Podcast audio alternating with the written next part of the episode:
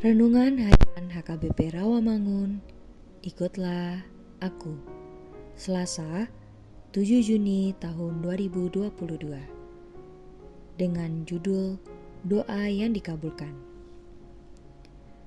Bacaan pagi kita pada hari ini diambil dari Yohanes 5 ayat 17 sampai 23 Bacaan malam kita pada hari ini diambil dari Yosua 3 ayat 1 sampai 17.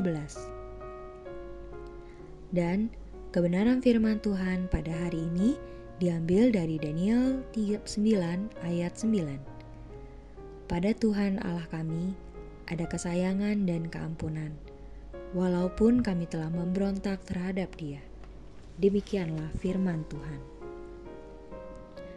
Sahabat, ikutlah aku yang dikasihi Tuhan Yesus kita semua orang yang percaya, tentunya kita tahu bagaimana cara berdoa yang benar dan juga berdoa yang baik. Semua dapat kita lakukan karena kita sangat mengenal Allah yang kita sembah. Dia sangat penuh kasih dan juga penuh keampunan. Nas kita ini adalah sebuah doa dari Daniel. Zaman sekarang begitu banyak orang Kristen salah berdoa mereka kelihatannya begitu ngotot, begitu bersungguh-sungguh, padahal apa yang diminta hanyalah untuk ambisi kedagingannya. Doa kita begitu ngotot, bahkan semua yang mengikuti kebaktian. Tapi yang hanya mau diminta cuma bawa berkat, kepingin kaya. Cara doa semacam ini adalah salah, karena seperti inilah cara penyembahan kepada berhala. Daniel sangat menyadari kalau bisa berdoa hanya berdasarkan anugerah Tuhan saja. Doa Daniel begitu baik karena padat akan kebenaran Allah.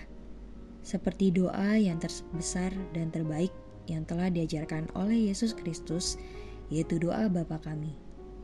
Jadi kalau kita mau doa, kita dikabulkan Tuhan, berdoalah dengan sungguh-sungguh.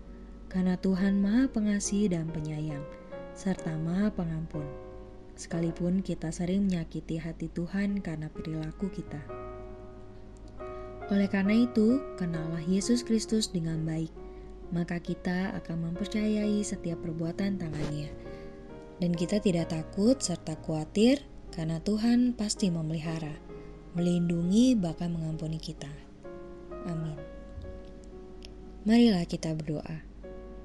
Tuhan Yesus, ajarkan kami agar lebih mengenalmu di dalam hidup kami, agar kami tetap percaya bahwa Tuhan adalah Maha Pengasih dan Penyayang. Amin.